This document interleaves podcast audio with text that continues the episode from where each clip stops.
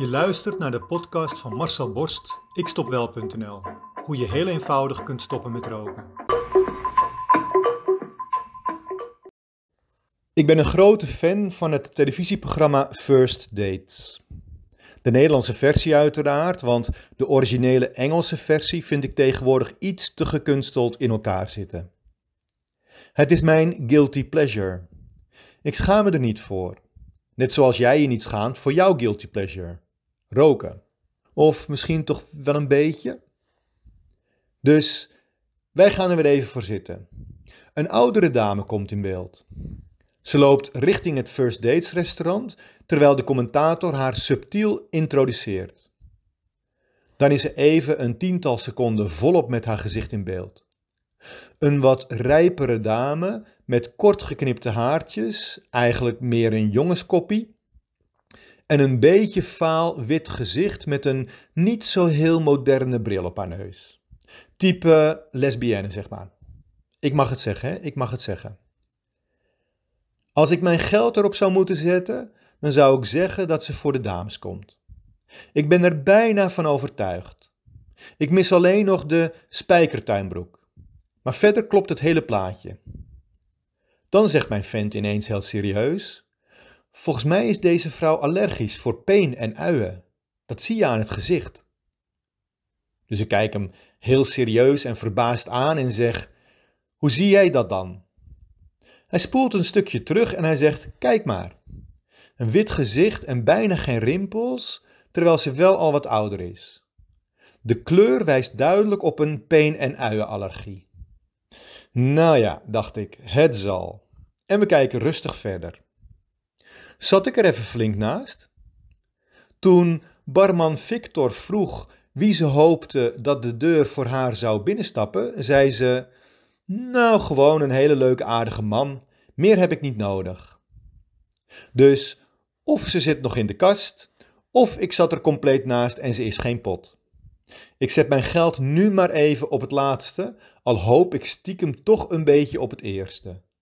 Want ik zit er niet zo heel erg vaak naast bij het inschatten van mijn medefamilieleden. En als klap op de vuurpijl, mijn vent zat er dus even helemaal niet naast. Want tot mijn grote verrassing vertelde de dame tijdens het diner aan haar mannelijke tafelgenoot dat ze allergisch was voor, inderdaad, peen en uien. Nou ja, zeg, mijn mond viel open. Ik keek hem aan, mijn vent begon te glimlachen. Hoe wist jij dat nou? vroeg ik. Dat stukje zat al in de vooraankondiging, biechtte hij hardlachend op. Naast dat ik een goede, maar blijkbaar niet feilloze gaydar heb, herken ik rokers ook altijd direct. Ik heb ook een soort van smokedar. Ook zonder vooraankondiging herken ik ze meestal wel. Zet 100 mensen op een rij, waarvan er 70 roken en ik haal er minimaal 60 uit. Hoe dat kan? Heel eenvoudig. Nicotine droogt de huid uit. Rokers hebben altijd een aanzienlijk meer en aanzienlijk diepere rimpels dan niet-rokers van ongeveer dezelfde leeftijd. Overigens verdwijnen die rimpels voor het grootste gedeelte binnen een paar maanden nadat je bent gestopt met roken. De meeste mensen schatten rokers dan ook altijd 10 jaar ouder in dan ze in werkelijkheid zijn. Daarnaast zorgt de teer- en koolmonoxide in je sigaret ervoor dat je aderen minder flexibel worden en zich dicht gaan knijpen. Dat leidt weer tot minder doorbloeding van je gezicht, je wangen, je handen, je voeten en een hogere bloeddruk. Daardoor hebben rokers het vaak ook kouder dan niet-rokers en hebben ze een asgrauw gelaat. Daar herken ik ze ook meteen aan.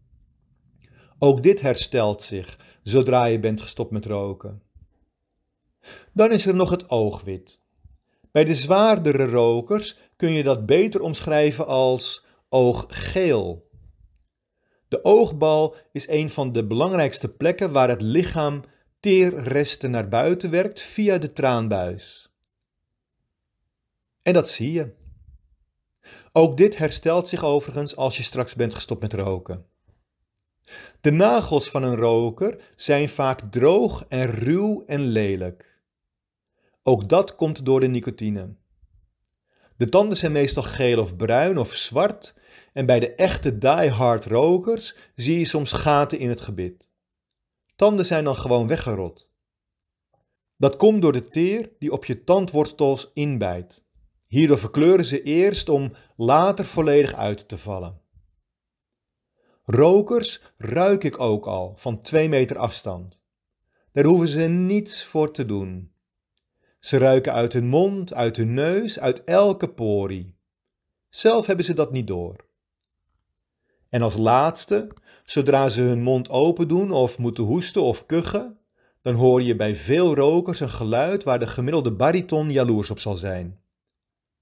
En zo weet ik dus de meeste rokers aan te wijzen.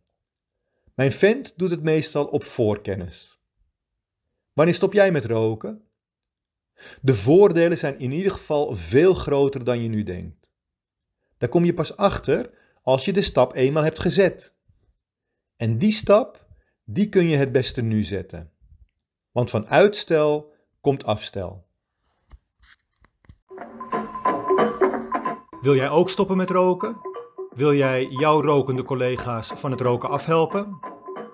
Kijk dan op mijn website ikstopwel.nl en neem contact met mij op.